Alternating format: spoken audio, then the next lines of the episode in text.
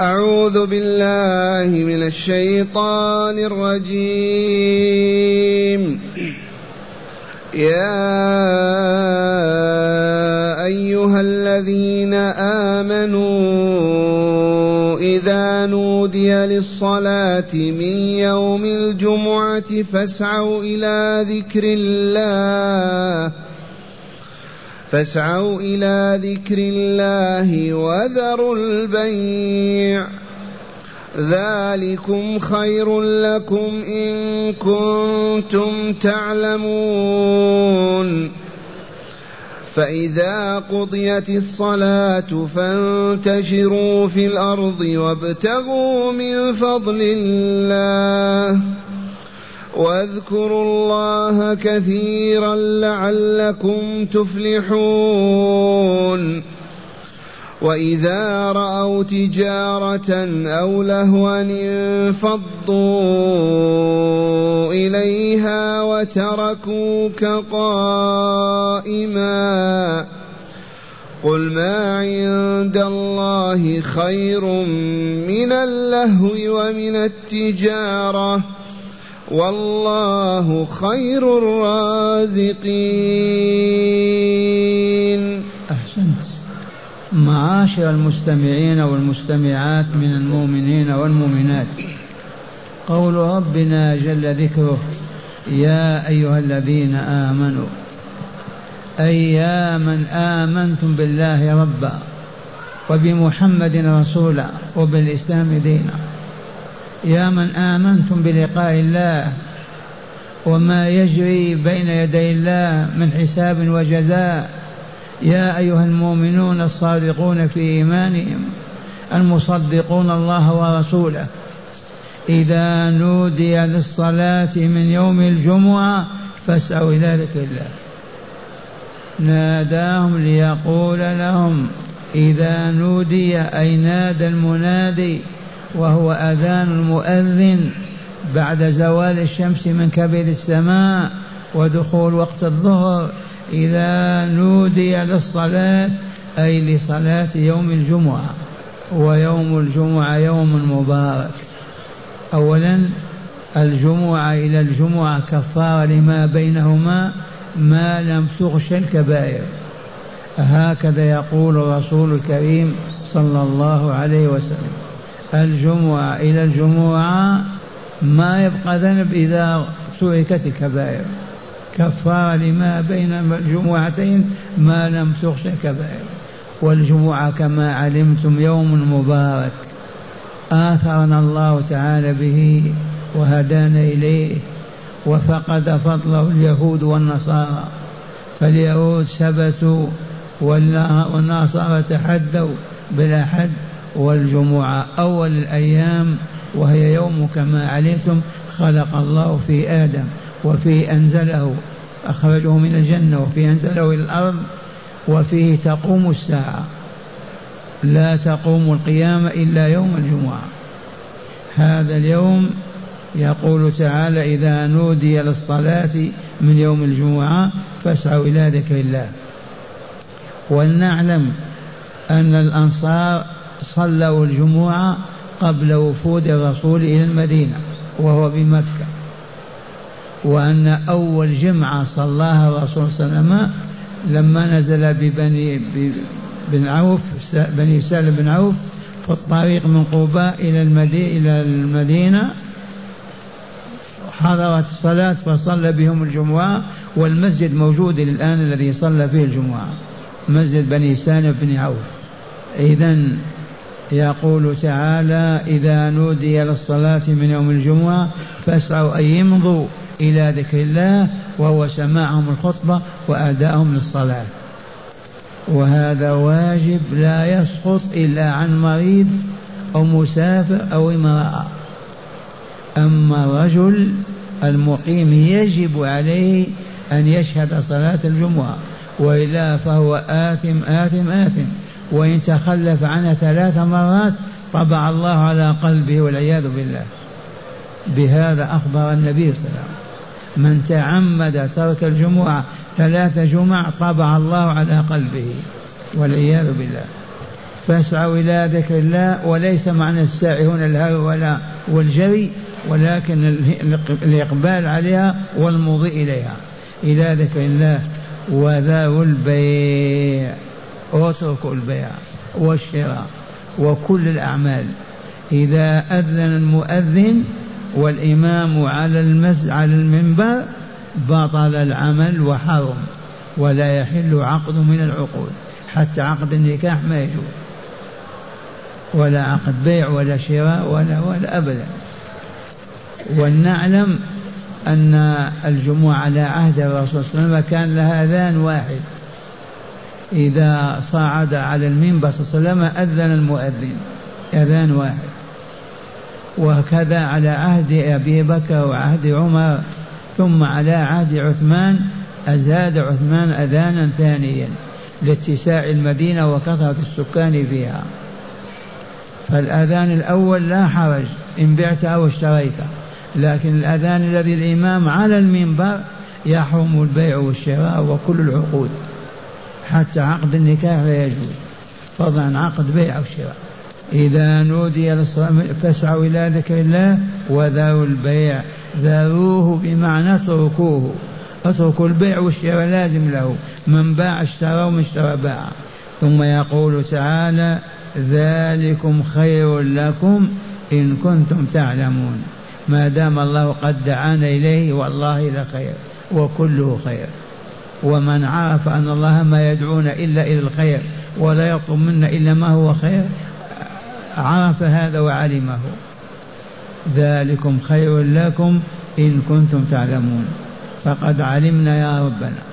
ثم قال تعالى فإذا قضيت الصلاة أي خطب الخطيب وأقيمت الصلاة وصلى المصلون لكم بعد ذلك أن تخرجوا إلى دكاكينكم إلى مزارعكم إلى بساتينكم.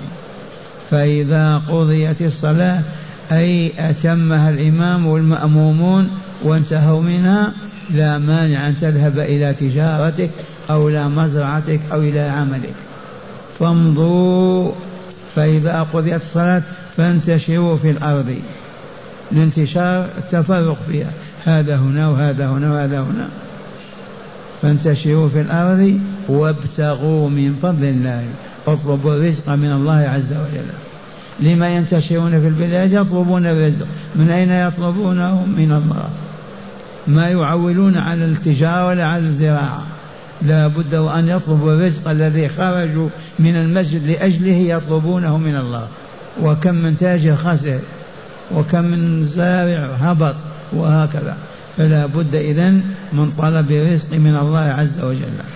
فإذا قضيت الصلاة أي صلاة الجمعة وتمت فانتشروا الأمر هنا للإباحة والإذن فقط لا للوجوب.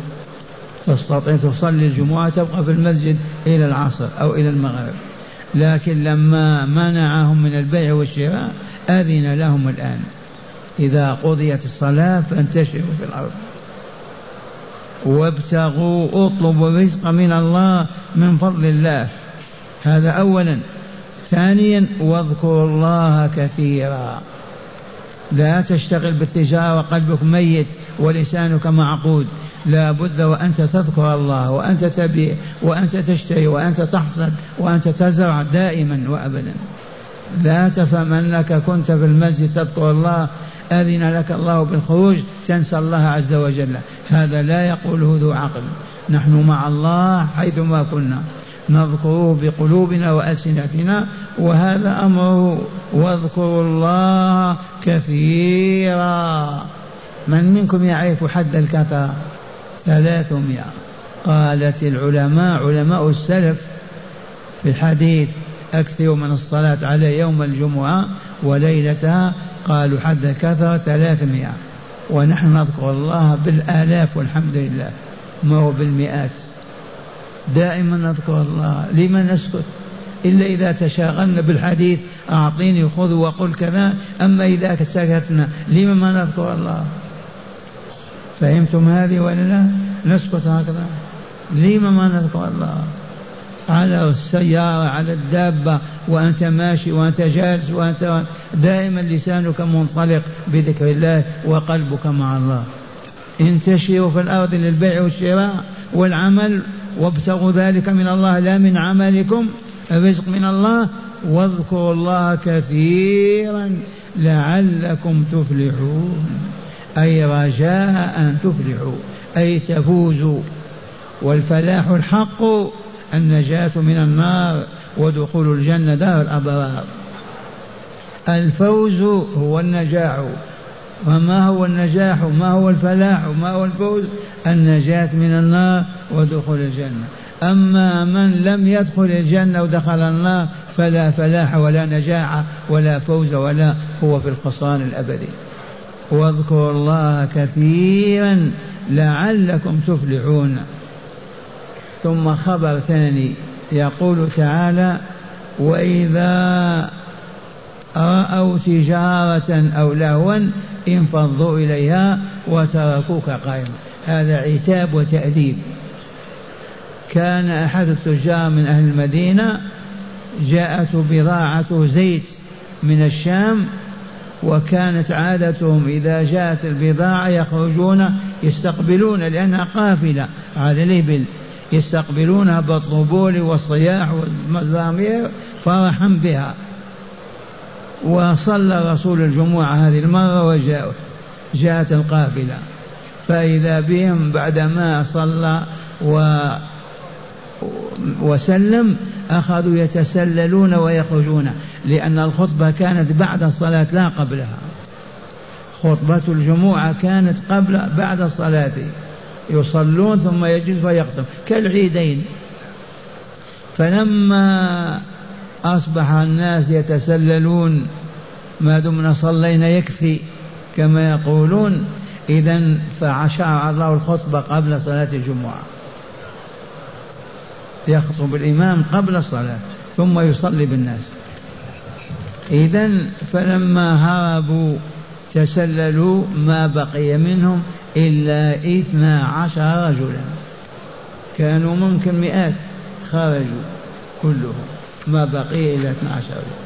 فعابهم الله وعتب عليهم وأدبهم بقوله وإذا رأوا تجارة أو لهوا انفضوا إليها لأن ما كل من خرج خرج ليشتري الزيت ولا الطعام خرج للهو.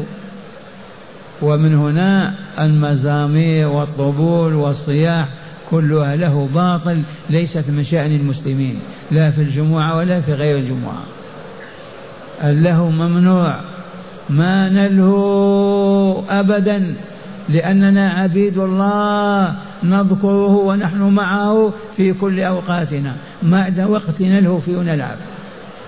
اللهو واللعب للأطفال الصغار فرابعة من عمره خامسة سادسة لا بأس. السابعة ما بقي له. يعبد الله ويتعلم القرآن. اللهو ما عندنا في الإسلام.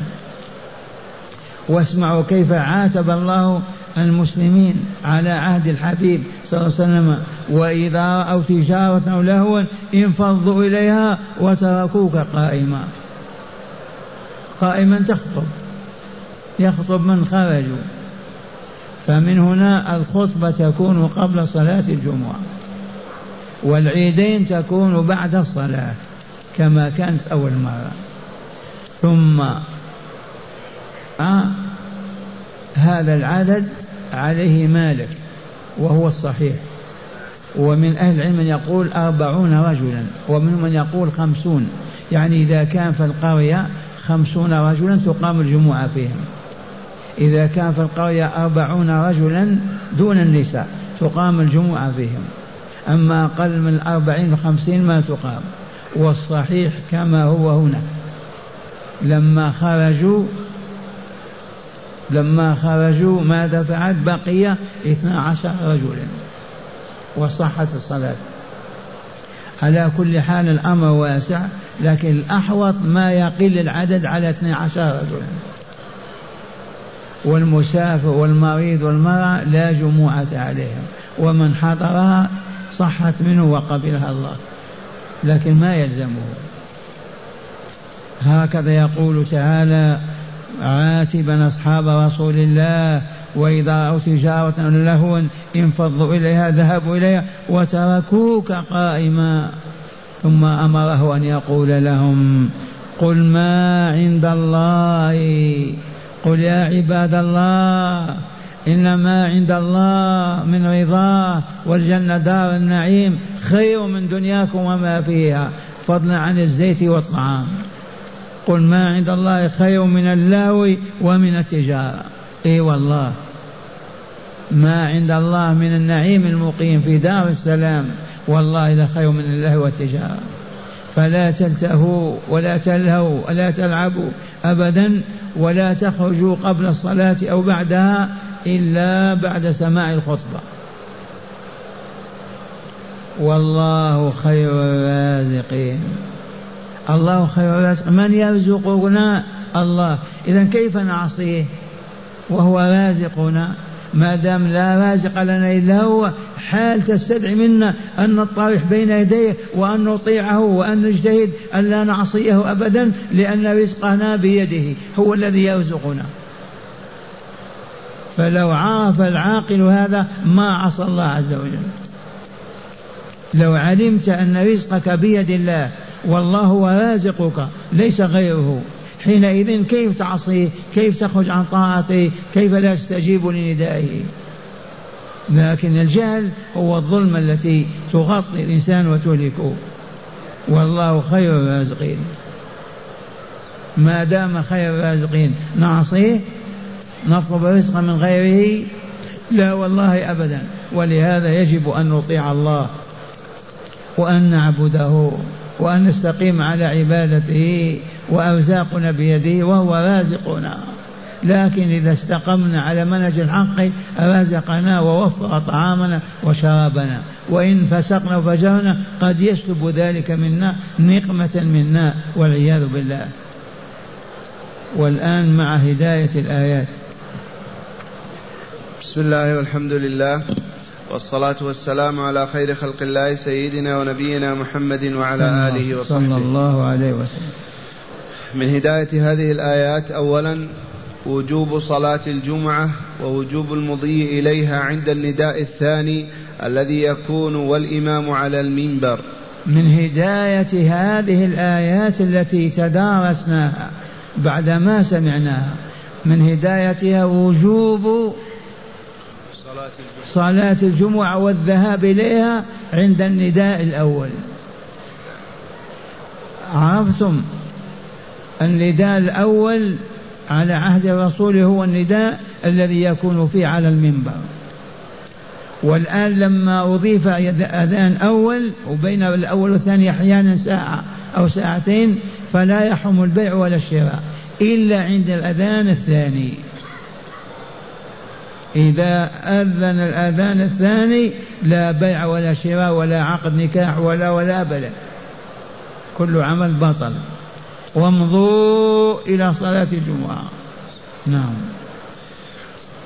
قال الشيخ في النهر ورد في فضل الجمعة والغسل لها قوله صلى الله عليه وسلم فيه ساعة لا يوافقها عبد مسلم وهو يصلي يسأل الله شيئا إلا نعم. أعطاه إياه. وقوله الجمعة إلى الجمعة كفارة لما بينهما ما لم تغش الكبائر. نعم. وقوله غسل الجمعة واجب على كل محتلم إيه نعم غسل الجمعة واجب على كل محتلم أما الأطفال فلا يجب عليهم. والذين ما يشهدون الجمعة لا يجب عليهم غسل كالنساء والمرضى والمسافرون. لا يجب عليهم الغسل. يجب الغسل على من يحضر صلاة الجمعة. إلا أن يكون طفلا فالأطفال لا. لا بد أن يكون بالغا محتلما. نعم. ومن هداية الآيات حرمة البيع والشراء وسائر العقود. إذا شرع المؤذن يؤذن الأذان نعم. الثاني. من هداية الآيات علمنا بمعرفة حرمة البيع والشراء وسائر العقود إذا أذن المؤذن. إذا أخذ المؤذن يؤذن. النداء الثاني يوم الجمعة. نعم. ثالثا الترغيب في ذكر الله والإكثار منه والمرء يبيع ويشتري ويعمل ويصنع ولسانه ذاكر. وهكذا كما علمنا. الترغيب في ذكر الله. سواء كنت تصنع أو تتجه أو تربح أو تعمل دائما ما يفتر لسانك عن ذكر الله أبدا ولهذا خلقنا. وقد قلت لكم كيف تسكت؟ ساكت فقط. لما ما تذكر؟ نعم إذا تتحدث أو تقرأ. نعم ساكت فقط وأنت ماشي أو راكب أو جالس تذكر الله عز وجل. وذكر الله يكون بسبحان الله وبحمده. سبحان الله العظيم أستغفر الله. لا إله إلا الله سبحان الله والحمد لله. والله أكبر. كل أنواع الذكر موجودة في الكتاب والسنة أما السكوت والإعراض والصمت عند البيع والشراء بالخصوص كما بين تعالى وعند التجارة فهذا مذموم أشد الذنب. نعم. وأخيرا ينبغي ألا يقل أن لا يقل المصلون الذي تصح صلاة الجمعة بهم عن اثني عشر رجلا أخذا من حادثة انفضاض الناس عن الرسول صلى الله عليه وسلم وهو يخطب إلى القافلة حتى لم يبق إلا اثنا عشر رجلا. كما قلت لكم هذا القول أصح الأقوال. دليله أنهم بقوا فقط عشر اثني عشر رجلا والباقون خرجوا فعاتبهم الله ولامهم. لكن إذا كان أقل من اثني عشر لا تصلح الجمعة. ثمانية رجال سبعة تسعة ما تصلح. يصلون الظهر. وإن كانوا زادوا إلى الخمسين الأربعين ذلك المطلوب. نعم. والآن نستمع إلى آيات مجودة أيضا. أعوذ بالله من الشيطان الرجيم. يا أيها الذين آمنوا إذا نودي للصلاة من يوم الجمعة فاسعوا إلى ذكر الله فاسعوا إلى ذكر الله وذروا البيع. ذلكم خير لكم إن كنتم تعلمون. فإذا قضيت الصلاة فانتشروا في الأرض وابتغوا من فضل الله واذكروا الله كثيرا لعلكم تفلحون واذا راوا تجاره أو لهوا انفضوا اليها وتركوك قائما قل ما عند الله خير من اللهو ومن التجاره والله خير الرازقين أحسنت. وهنا فضيلة عظيمة في دولتنا في المملكة الآمرون بالمعروف النهون عن المنكر. إذا أذن المؤذن لأي صلاة يجب أن لا تجارة تشاهدون هذا؟ هذه من أكبر الكرامات وأفضلها. لا يوجد هذا إلا في هذه الديار. أذن المؤذن تغلق أبواب الدكاكين وهذا الواجب. الله أحفظ هذه البلاد وأهلها. نعم.